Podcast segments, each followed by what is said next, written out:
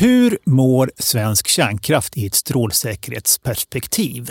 Ja, det är temat för det här avsnittet av Strålsäkert, en podd från Strålsäkerhetsmyndigheten. Vi gjorde ett liknande avsnitt 2019 och det har hänt en hel del sedan dess. Då handlade det om hur pass väl kärnkraftverken levde upp till alla krav under 2018 och delar av 2019. Nu handlar det om 2021 och lite därefter. Och vi utgår från de samlade strålsäkerhetsvärderingarna, de så kallade SSV-rapporterna som görs varje år för respektive kärnkraftverk. Men vi vill vara tydliga med att berätta att det här endast täcker in perioden för just de här rapporterna och inte händelser efter det. För Forsmark gäller det fram till januari 2022, Ringhals fram till februari och Oskarshamn fram till mars i år. Och med oss för att berätta om det här har vi Erik Höglund, avdelningschef för tillsynsavdelningen. Karin Lindström, utredare på enheten för tillsynssamordning och MTO. MTO står då för människa, teknik och organisation. Och Francesco Cadino som är inspektör på enheten tillsyn, händelseuppföljning och teknik. Välkomna! Tack! Eh, ja, mycket har hänt sedan förra avsnittet på det här temat. Eh, reaktorer har lagts ner, oberoende härdkylning har införts på alla sex kvarvarande reaktorer och det har kommit nya föreskrifter. Och sen har det också skett en stor omorganisation på Strålsäkerhetsmyndigheten. Men nu ska det alltså handla om de här samlade strålsäkerhetsvärderingarna, eller SSVR som de också kallas. Vad, vad skulle ni säga, vad har de egentligen för funktion för, för myndigheten och tillståndshavarna, alltså de som driver kärnkraftverken? Erik, ska du börja? Ja, en, en tydlig syfte och funktion det är ju att eh, i en SSV så gör ju eh, SSM en, en samlad värdering av läget på verket eh, i, i verksamheten och i anläggningen och den kan vi kommunicera på ett tydligt sätt till tillståndshavarna. De kan se om den matchar deras egna bilder, de vet vad vi tycker om verksamheten så det ska påverka deras arbete framåt givetvis. Den andra syftet för oss är att vi också i den samlade värderingen vi gör ser hur det behöver påverka vår tillsyn framåt. Hur brukar de reagera när de får de här presenterade för sig? Ja, det är ju helt uppenbart att de tycker att det här är en viktig, viktig produkt, en viktig signal de får från myndigheten. De är intresserade av innehållet, de vill gärna se att deras egna analys matchar vår analys. De brukar uttrycka eh, en tillfredsställelse när de ser att de är på ungefär de frågorna som vi har lyft i SSV och det tycker vi också är en viktig aspekt av det hela. Har vi en samsyn på vilka trender och vilka problem som eventuellt finns. Så de tycker det här är viktigt. De använder det också sin, i sin interna verksamhet eh, där de kan berätta för medarbetare och för chefer vad, vad är det vi nu har framför oss att jobba med. Så det är viktigt för dem, absolut. Mm. Och Francesco, vad säger du som inspektör? Vad, vad har SSV för betydelse i, i tillsynen rent konkret? Jag tycker att eh, det har en väldigt viktig betydelse, speciellt när vi, när vi planerar eh, kommande tillsynsinsatser.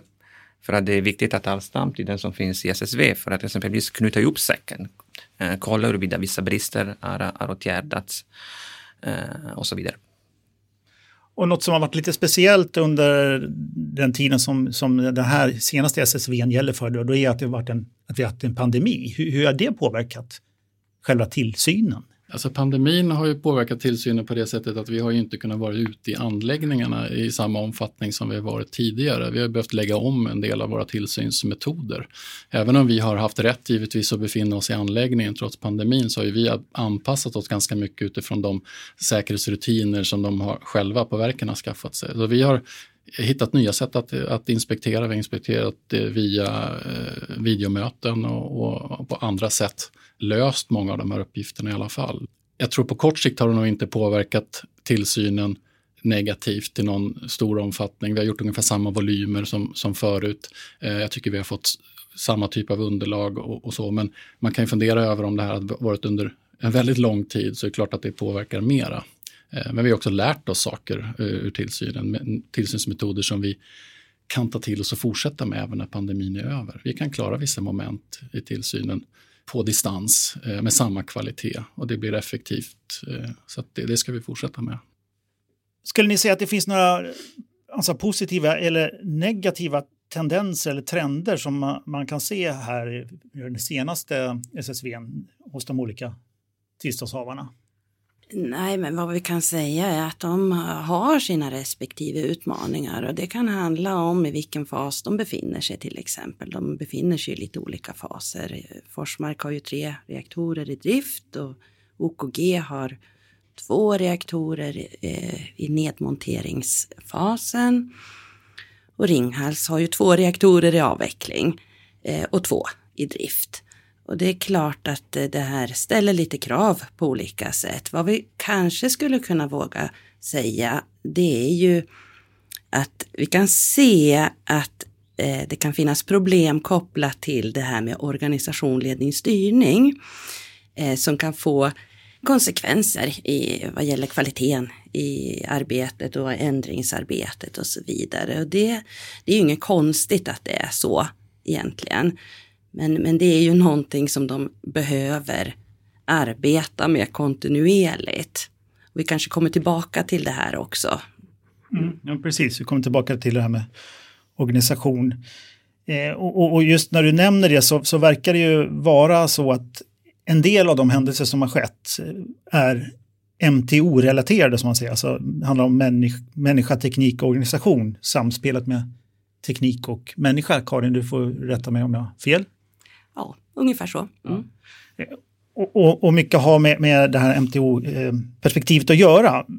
Kan man säga på något sätt att det finns någon tendens till att det här med arbetet med säkerhetskultur och så har naggats i kanten eller är det ett pågående arbete alltid? Eller ska, hur ska man se på det, Karin? Eh, jag skulle inte säga att det har naggats i kanten. Jag skulle säga snarare att det är alltid ett arbete som behöver göras. Det här är inga saker som är statiska. Man har inte en bra ändamålsenlig organisation, ledning, styrning och en stark säkerhetskultur per automatik bara för att man har bedrivit ett arbete, utan det är någonting som kräver konstant övervakning och uppföljning och är i behov av åtgärder. Det är inte statiska verksamheter på samma sätt som inte vår verksamhet är statisk så är inte tillståndshavarna det heller. Utan omvärlden ställer nya krav, man går in i olika faser och det här är någonting som man behöver jobba med.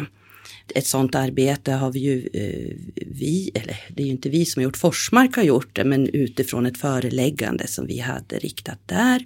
Och vi har sett i SSV ett flertal händelser, även på andra ställen, som bottnar i problem kopplat till organisation, ledning, styrningsaspekter och eventuellt säkerhetskulturaspekter.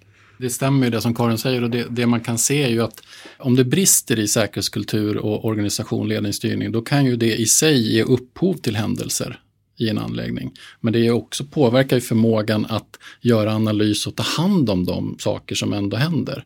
Så det, det, är viktigt ur flera aspekter. Att dels skydda verksamheten för, för eh, händelser som inte ska inträffa, men också ta hand om de som ändå inträffar. Så det här är en viktig aspekt för, för tillståndshavarna att ha koll på och som Karin säger, löpande ha koll på. Det kommer ny personal, det man ändrar sin organisation, det kommer nya krav. Man måste vara på den här frågan hela tiden. Och då behöver vi ha den aktuell i vår tillsyn tillsyn också hela tiden. Så det är ett ständigt pågående arbete då, men, men att tillsyna just de här frågorna låter betydligt mer komplext än att se hur, hur viss teknik fungerar och skruvar, muttrar och så vidare. Vad, vad skulle du säga där Karin, hur, hur, hur går det till egentligen att tillsyna om säkerhetskulturarbetet går, hur det går? Jag skulle inte säga att det nödvändigtvis är mer komplext än annan tillsynsverksamhet som vi bedriver, utan vi har en ganska tydlig kravbild kopplat till det här. Vi har krav på ledningssystem, vi har krav på organisation, vi har krav på hur man genomför organisationsförändringar. Så att nej, eh, inte mer komplext skulle jag säga, men det är min personliga åsikt än en annan tillsyn. Men eh, intressant är det, kan jag säga. Ja, det var kanske oförskämt för, om jag säger så, Francesco, du som har koll på det här med reaktorfysik och så, att, att, eh, att granska tillsyn, eller, så här, tillsyna anläggningar eh, ur ett mer tekniskt perspektiv. Om du jämför det med, med säkerhetskultur och så, vad skulle du säga då? Jag tycker att i grunden det bottnar på kompetensen hos eh, enskilda inspektörer. Eh, en, en duktig reaktorfysiker kan uh, göra en lika bra jobb som en duktig MTO-expert in, in, inom sitt område. Så jag ser inte någon speciell utmaning ur det här perspektivet. Um, jag kan tänka dessutom att, att göra tillsyn inom då, samspel människa, teknik och organisation nu. jag ser att det betydligt enklare än att göra det för 20 år sedan exempelvis för att eh, tillståndshavarna själva eh, är mer vana, jobbar med de här frågorna. Eh, de lyfter upp själva MTO-aspekter i olika händelser och därför att vi ser också de här eh, trenderna så att säga. Jag skulle eh, säga att, eh, att nu vi har möjlighet att observera att det finns faktiskt brister kopplat till MTO-aspekterna. Medan för 20 år sedan kanske, kanske det fanns inte den där möjligheten. Eh, vi såg bara liksom en massa tekniska brister och vi kunde inte se någon, någon gemensam nämnare för att den här typen av, av problematiken inte var synlig på verket först och främst. Så det här är ett område som har utvecklats ganska mycket de senaste decennierna, Karin? Ja, det, kan, det får man nog säga ändå. Och, och, kunskapen hos det, eller om det också där ute skulle jag säga, precis som Francesco lyfter. Och medvetenheten också tror jag att en hel del av de tekniska problem man ser kanske inte åtgärdas bäst bara genom att hantera de tekniska problemen, utan man behöver gå till botten med varför kanske ett flertal av samma eh, sort uppenbarar sig. Och då kan det ju vara vettigt då att söka i de här aspekterna som vi pratar om nu. Organisationsaspekter eller ledning och styrningsaspekter. Jag tror att det Karin är inne på nu är jätteviktigt. Vi får ju inte göra det här till en kamp mellan, ska vi bedriva tillsyn och titta på tekniken och de innehåll, den teknik som finns eh, på, på kärnkraftverket eh, och anläggningen som sådan och de här aspekterna, för de hänger ihop. Det är precis som Karin säger, om vi, man ser upprepade problem med en viss eh, komponent, eh, som å, år efter år så har man problem med just den komponenten. Det kan bero på komponenten i sig eller upphandlingsförfaranden eh, eller annat. Och då börjar man komma över på just ledning och styrning. Vad har vi för mekanismer? Hur jobbar vi med den här frågan? Så de här två sakerna får inte ställas mot varandra utan de hör ihop. Och ni var inne på det lite grann också, det här med organisations förändringar och det har ju skett organisationsförändringar på alla de här tre verken. Hur, hur syn, syns det på något sätt i den här senaste strålsäkerhetsvärderingen? Eh, egentligen inte så mycket skulle jag säga i den här senaste. Utan det beror ju lite grann på hur genomgripande eh, ändringen är. Man kan ju genomföra smärre ändringar som faktiskt inte påverkar så mycket vad vi kan se och har sett tidigare, det är ju att eh, i de här stora organisationsförändringarna som man har genomfört så kan man ha kvarstående problem ett längre tag. Det tar ett tag att komma till rätta med dem och det kan handla om till exempel att om man har ändrat förutsättningarna eller ansvarsfördelningen i organisationen så kan det ta ett tag innan man kommer till rätta med det här med roller. Vad är min roll? Hur, hur ser det ut och hur ska det fungera? Hur ska informationsöverföringen ske i den här nya organisationen? Det har vi sett kanske tidigare och det kan vi se igen. Men vi har ju krav på det här som handlar om, inte alls som handlar om vilken organisation man får ha, för det är ju inte det. Det är inte det som är viktigt, utan det handlar ju om hur man planerar, genomför och följer upp för att vid behov vidta kompensatoriska åtgärder om man ser att det här fungerar inte riktigt. Så där har vi ju krav som vi kan luta oss mot när vi tillsynar det här med hur de genomför organisationsförändringar till exempel. Är det något av verken som sticker ut i det här avseendet? Nej, det skulle jag inte säga, men jag skulle säga generellt att en större omorganisation kan påverka strålsäkerheten under en period och kan kräva åtgärder. Men det är precis som det vi har pratat om tidigare. Ja, det kan vara så med anledningen av, av en organisationsförändring, men det kan vara med anledning av andra saker också. De behöver ha konstant vaksamhet på egentligen förändringar och vilka åtgärder de behöver vidta med anledning av dem. Och så kommer vi in då och genomför tillsyn för att se hur de har skött det här. Och eh, även Strålsäkerhetsmyndigheten har ju genomgått en stor omorganisation. Skulle ni säga att det har påverkat tillsynen på något vis? Även det här, vår om, omorganisation är ju en, en ganska stor sak. Vi har, vi har delat upp eh, myndigheten på, på en annan ledd utifrån olika deluppdrag som en förvaltningsmyndighet har. Så det är klart att det påverkar oss på kort sikt. Men man jobbar inte riktigt med samma saker idag som man kanske gjorde för ett och ett halvt år sedan. Eh, så det, det behöver ju sätta sig så att säga. Men ambitionen och tron i det här och jag är helt övertygad om att det kommer att eh, vara främjande för tillsynen. Nu har vi möjlighet att fokusera på tillsynsuppdraget. Vi har möjlighet att utveckla våra metoder, lära av varann mellan olika tillsynsslag. Eh, och det är ingenting annat i myndighetens uppdrag som stör oss. Vi kan, vi kan eh, utforma vår tillsyn, vi kan prioritera den tillsyn och den riskerar inte att skjutas åt sidan på grund av andra uppdrag. Jag tror att det är en väldigt viktig vinst med den nya organisationen. Sen som alla omorganisationer som Karin är inne på hos tillsynshavaren, det tar en stund innan det sätter sig. Vad är min roll? Eh, vad har jag för arbetsuppgifter? Eh, hur förhåller sig det till andra uppdrag på myndigheten? Tillståndshavarna kanske också upplever att de möter en annan myndighet idag än vad de gjorde förut. Det är också någonting vi får förhålla oss till, vi som oftast möter dem direkt. Förut var man van att möta hela SSM i alla möten. Nu möter man tillsynen ibland tillståndshandläggarna i ett annat skede och kanske normeringsgänget i ett tredje. Det blir också en pedagogisk uppgift för myndigheten att få det att sätta sig. Vem är det vi möter? Jag tror att det finns en, en styrka i det också. Det är en väldigt tydlig varudeklaration när myndigheten är ute. Nu är vi där för att bedriva tillsyn.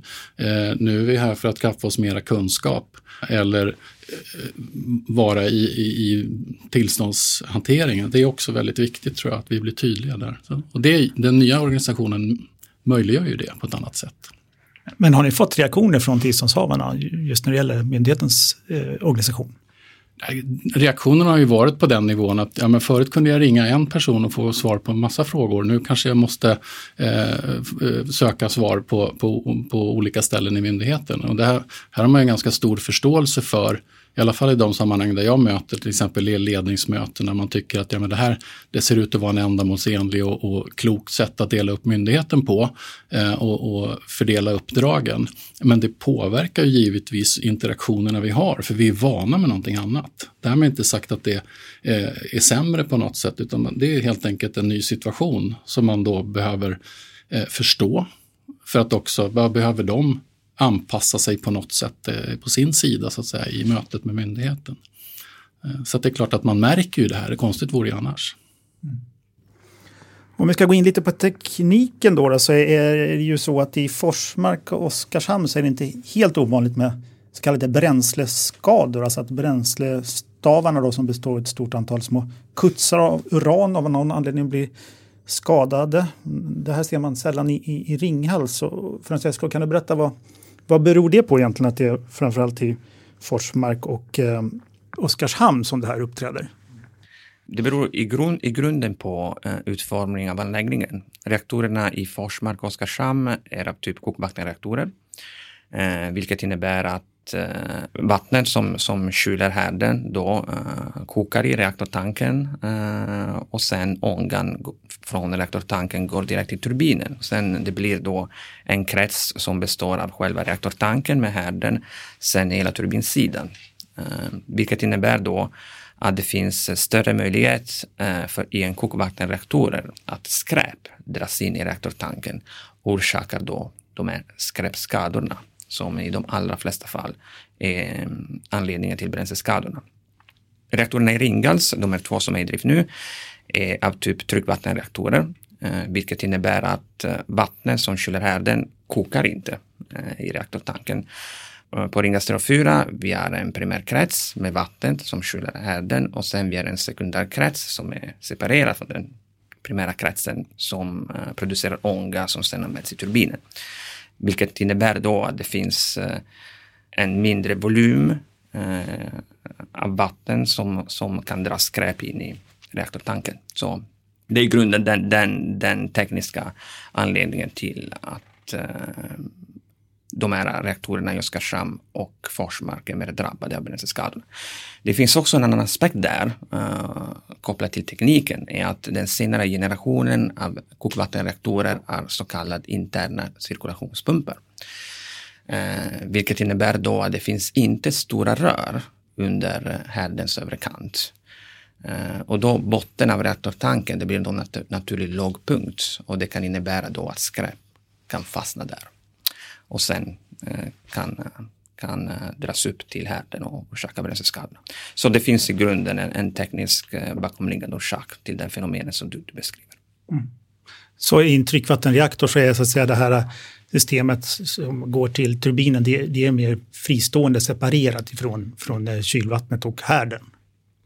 Det är inte liksom eh, termiskt separerat, eh, men vattnet, ångan som går i turbinen, det är inte samma ånga som kommer från primärsystemet som, som, i, som i en kokvattenreaktor. Så det, det finns en, en, en, termisk koppling eh, med en fysisk separation mellan primärvattnet och sekundärvatten slash ånga. Och hur allvarlig skulle man säga att en, en bränsleskada är egentligen? En bränsleskada innebär i alla fall en degradering av en viktig barriär eh, som är bränslekapslingen. Eh, vid utformning av strålskyddsanläggningen är vid konstruktionen beaktas att det kommer att finnas bränsleskador.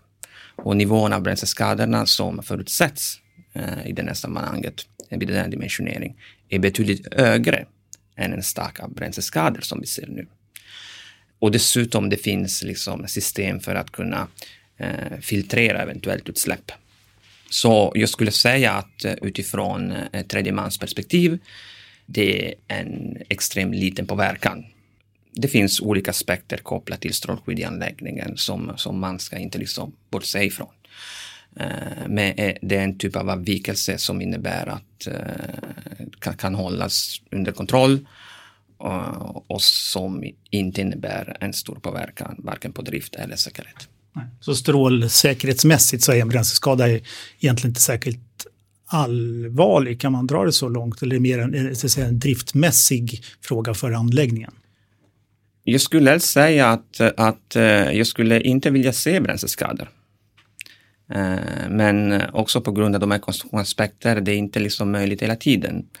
Eh, så det är ändå en avvikelse, en degradering av en barriär som vi helst man inte skulle vilja se, men som inte har en sådan strålsäkerhetsmässig påverkan som innebär att driften måste begränsas på något sätt. Nej. Och om man ser på tendenser då ifrån de här samlade strålsäkerhetsvärderingarna, vad skulle du säga, har, har det ökat med bränsleskador eller har det minskat eller ser det olika ut på olika anläggningar? Eller går det att säga någonting om det? Eh, som du poängterade, eh, det är en fråga som man ser framförallt eh, kokvattenreaktorer. Det är alltid svårt att dra slutsatserna utifrån ett antal händelser som är, som är i alla fall litet. Vi pratar inte om många bränsleskadorna. Så med lite försiktighet, jag kan säga att under de senaste åren vi har sett en, en, en minskade, minskade trend kring bränsleskadorna. Så vi får hoppas att den minskade trenden fortsätter. Vissa av de här frågorna eh, inom tillsynen verkar ju återkomma år efter år. Vad skulle ni säga att det, det beror på? Att man inte kommer till rätta med dem riktigt? Ibland kan det väl nästan vara så enkelt att det är svåra saker som är svåra att komma till rätta med, som kräver mycket arbete. Vi kan ta en sån sak som kompetensutmaningar till exempel, som vi har sett på Ja, men egentligen de sliter med varierande utsträckning alla tre kärnkraftverken. Och där kan man väl fundera över, kommer man någonsin i mål? För det är ju andra faktorer som påverkar det. De kan ju påverka vissa saker. De kan säkerställa att de har en kompetenssäkringsprocess som fungerar och de kan vidta åtgärder för att eh, se till att de är att attraktiva arbetsplatser. Men om det är svårt att få rätt kompetens i tillräcklig utsträckning, ja då är det ju, det ligger, en del av det ligger liksom utanför organisationen. Eh, så, att, så det är ju en, det är väl en generell utmaning som kräver, det, det, det tror jag inte har att göra med vår tillsyn, det har inte att göra med vår kravbild, men det är en utmaning som, som kräver liksom åtgärder år efter år egentligen. Det beror, mm. mm. Och det är något som har, som har identifierats av myndigheten också inom hela den här branschen, att det kan komma att saknas kompetens på vissa områden. Men Erik, du ville tillägga något där? Ja, men det, det stämmer ju allt som Karin säger, men vi har ju varit inne på det tidigare också, att vissa, vi, vi kan ju se att vissa händelser återupprepas utifrån att man inte haft förmåga att vi, vi, utreda orsakerna tillräckligt djupt. Och då är vi inne i det här med ledning och styrning och organisation igen och säkerhetskultur. Så det, det, är ju också en aspekt av det vid sidan av att det, det är svårt i sig. Eh, att man kanske inte har eh, gjort sina orsaksanalyser tillräckligt djupa, man har inte hittat rätt åtgärder utan man har åtgärdat problemet här och nu som det ser ut utan att göra en djupare analys. Så det, det är också en del i det tänker jag. Mm. Något som har hänt sedan vi gjorde ett poddavsnitt om det här senast är också att oberoende härdkylning, OBH, har, har införts. Francesco, kan du först bara jättekort förklara vad, vad är OBH för någonting? OBH är det ett nytt system eh, som har införts på samtliga eh, anläggningar som är i drift eh, som syftar till att säkerställa att det är möjligt att kyla härden även om man förutsätter att eh, man kan inte få el från internet och alla diesel, dieslar är utslagna.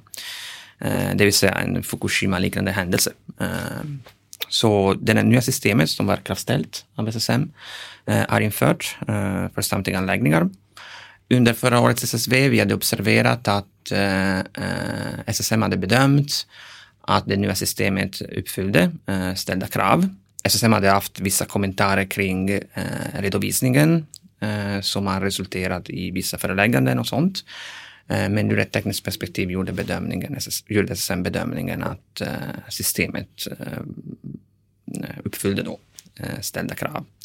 Det blev en ganska ambitiös anläggningsändring som oftast händer i sådana projekt. Det finns en liten liksom, inkörningsperiod där man upptäcker vissa små fel, små brister i konstruktionen. Och det har vi sett förra året. Det finns ett antal händelser som är kopplade till OBH där tillståndshavarna kunde eh, identifiera olika brister som är sedan åtgärdat. Den som vi kan säga nu är att eh, OBA då eh, uppfyllde syftet eh, som eh, vi har haft med eh, införandet. Och eh, det innebär i grunden en väsentlig förbättring när det gäller strålsäkerheten i svenska anläggningar. Mm. Oberoende härdkylning fungerar vid alla sex reaktorer nu och är i drift helt enkelt? Ja. Ytterligare en sak som har hänt är att det har införts nya föreskrifter för reaktorer i drift, de här så kallade CAD-föreskrifterna. Vad ska jag säga, har, hur, har det varit någon skillnad eller har det gått att inspektera efter de nya föreskrifterna? Francesco, du som är ute på anläggningarna regelbundet.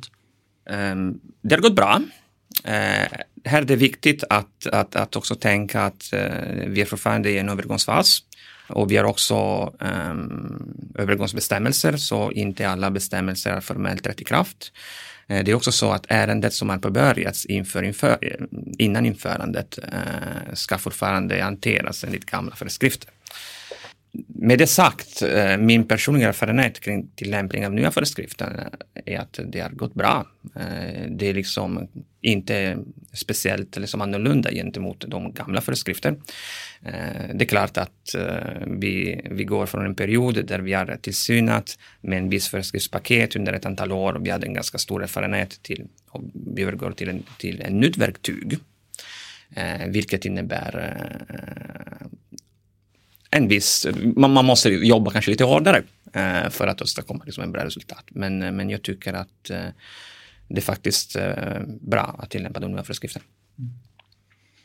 Erik, har du något att tillägga där när det gäller nya föreskrifter och tanken med hela det här föreskriftsprogrammet?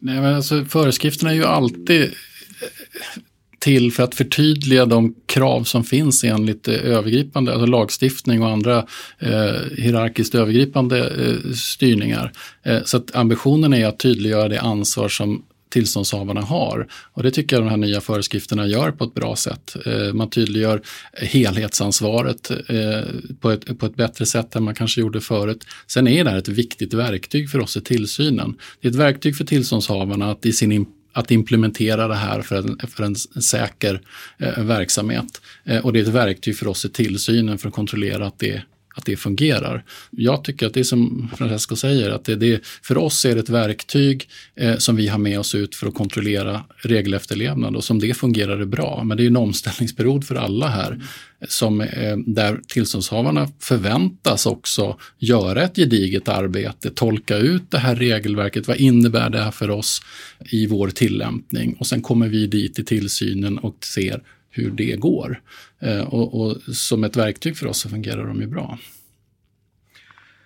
Och de här strålsäkerhetsvärderingarna som hela det här avsnittet handlar om håller ju på att utvecklas på något sätt. Kan, kan ni nämna någonting om det, hur långt ni har kommit och vad, vad tanken är med att utveckla själva SSV-erna? Erik kanske ska börja. Alltså, grundtanken i all verksamhet är att vi hela tiden behöver utveckla det vi gör. Eh, för oss är det väldigt viktigt att det, det, underlag vi bygger våra SSV på håller eh, bra kvalitet och det gör det, men det kan man alltid förädla, och se att vi gör, att vi gör bedömningar mot de här kraven vi pratade om nyss och att, det, att vi tar ställning när vi är ute och inspekterar. Det är en jätteviktig aspekt. Och, och när vi har det på bordet, då kan vi göra den här aggregerade analysen. Det som, vi har ju några uppenbara intressenter av en SSV, vi har varit inne på det. Vi själva behöver den för att ta nästa steg i tillsynen eh, till exempel. Eh, tillståndshavarna förväntar sig den här och, och tycker att den är viktig för dem. Eh, vi behöver ju ställa oss frågan, finns det andra intressenter? Eh, allmänheten är säkert intresserad av hur det går, till exempel i, eh, med kärnsäkerheten. Eh, och eh, det kan finnas andra intressenter. Det här behöver vi titta på. Vilka är de här intressenterna och fyller då SSV som den ser ut idag eh, värde även för dem? Om det inte gör det, ja men då kanske vi ska skruva lite på det eller vi kanske ska hitta andra former för att förmedla den här kunskapen. Så det är lite grann det vi, vi, förutom att hela tiden effektivisera våra arbetssätt så att vi har det här resurseffektivt och ändamålsenligt. Det ligger alltid i vår verksamhet att titta på. Så det, det, är väl där någonstans vi är i, i de utvecklingstankarna. Men i de nuvarande SSV så finns i alla fall de här betygskriterierna och det, vi har faktiskt inte nämnt vad de olika kraftverken, kärnkraftverken fick för, för betyg det här, den här gången. Vem vill berätta det? Karin? Ja, det kan väl jag göra då. Eh, då ser det ut så vi sätter ju en, eh, gör en värdering av verksamheten och anläggningen och det mynnar då ut i en samlad strålsäkerhetsvärdering. Så för Forsmark såg det ut så att anläggningen låg på tillfredsställande medan verksamheten låg på acceptabel och då blir helhetsbedömningen så att säga acceptabel. Och för Ringhals så var helhetsbedömningen tillfredsställande för det var så vi såg då på både verksamhet och anläggning och för OKG så var det på samma sätt som för Ringhals då tillfredsställande. Och så till sist här nu då, skulle det vara intressant att höra om ni kunde berätta vad myndigheten liksom övergripande vill åstadkomma när det gäller säkerhetsarbetet framåt och vilken utveckling ni vill se, lite framåtblickande sådär. Ja, kan säkert kollegorna bidra med, med, med men det, det, vi har varit inne på väldigt mycket här, det, Tillståndshavarna har ett väldigt tydligt ansvar för, för säkerheten och strålsäkerheten i sin verksamhet. Det är jätteviktigt att de tar det ansvaret fullt ut. Eh, och då kommer vi in på de här sakerna med organisation, ledning, styrning, säkerhetskultur. Det, eh, det är det absolut viktigaste de behöver visa för omgivningen och för oss och det är en viktig eh, aspekt av vår tillsyn framöver också att, att hela tiden vara i det. Så det, det tror jag man måste säga generellt att eh, är det någonting vi behöver fokusera på så, så är det det. Eh, och de också. Jag tänker på eh, rent konkret och sånt som vi faktiskt kan skicka med i de här samlade strålsäkerhetsvärderingarna. När vi liksom vill ge, när vi har summerat allting, vi har dragit våra slutsatser och vi har gjort vår analys och vi har landat i någon form av konklusion. Då kan det här vara ett sådant medskick som eh, till exempel att de har det yttersta ansvaret. Det är de som ska identifiera brister. Det är de som ska vidta åtgärder åtgärder, det är de som ska följa upp till dess att tillräckliga effekter ses. Om vi ser att de inte gör detta, om vi ser att de förhåller sig lite passivt i att vidta åtgärder eller att identifiera vad de här eventuella problemen beror på.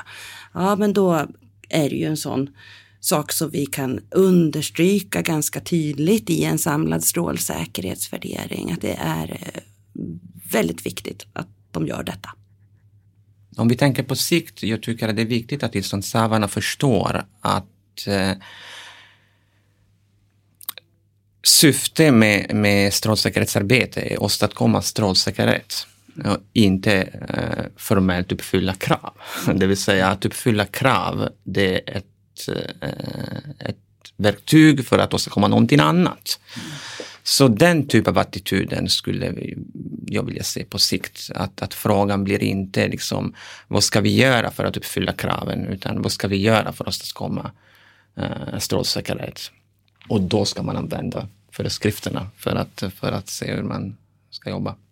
Men upplever du att det är så lite idag på vissa platser? Eh, jag upplever att ibland eh, det finns en, en överdrivet fokus på formellt uppfyllande av krav eh, kontra liksom den som borde vara den riktiga sätt att jobba. Det vill säga fokusera på att åstadkomma strålsäkerheten. Och jag ser inte att det händer liksom ofta, men det händer titt som tätt om man ställer en fråga, liksom en, var, varför är ni i den här processen och det här systemet? Men för att det finns krav för att det ska finnas. Och det är inte riktigt, jag tycker att det svaret visar lite grann kanske det som Stavar inte har förstått. Men, men för att uppnå strålsäkerhet så måste de ju uppfylla kraven. Hur menar du då? Det är klart att, att, att uh, man ska uppfylla kravet, men det är viktigt liksom hur man definierar problemet. Problemet ska vara definierat ur ska vi upp, uh, åstadkomma strålsäkerheten, men inte liksom, vad är det miniminivån jag kan lägga mig på för att kunna uppfylla kravet? Det... Erik ville tillägga någonting här. Ja, alltså det, det, här är ju jätteviktigt. Eh, vi, vi är inne på att de här föreskrifterna, om vi hänger kvar i dem en stund, det är ju ett verktyg, för oss i tillsynen givetvis, men det är också ett verktyg för tillståndshavarna att använda i sin tillämpning. Men det får inte stanna vid det. Det får inte stanna vid att nu har vi uppfyllt de här bestämmelserna. Eh, utan de måste se systemet, de måste se helheten. Varför finns de här kraven? Vad behöver vi åstadkomma då? Ja, det är en säker strålmiljö i förlängningen. Det är SSMs eh, uppdrag, men det är också tillståndshavarens uppdrag i någon mening. Och där är är föreskrifterna inte någonting man bara ska leva upp till. De finns där av, ett, av en anledning och det är ett verktyg även för tillståndshavarna. Jag tror att det är viktigt att, att förstå det där och det, det, måste man leda i bevis genom att ha en organisation och en ledning och styrningsförmåga som är tillräcklig och en säkerhetskultur som tar hänsyn till det. Och jag tror det är det du menar, Francesco. Det, det är jätteviktigt att man förstår det och det, det vill vi väl se att man på ett väldigt tydligt sätt tar det helhetsansvaret.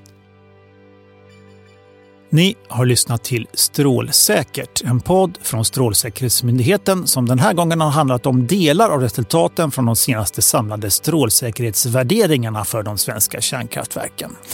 På Strålsäkerhetsmyndighetens hemsida ssm.se hittar ni rapporterna i sin helhet och kan ladda hem dem för att läsa i lugn och ro. Jag heter Pelle Zettersten och jobbar på enheten för kommunikation och upplysning på Strålsäkerhetsmyndigheten och tackar för er uppmärksamhet. Vi hörs!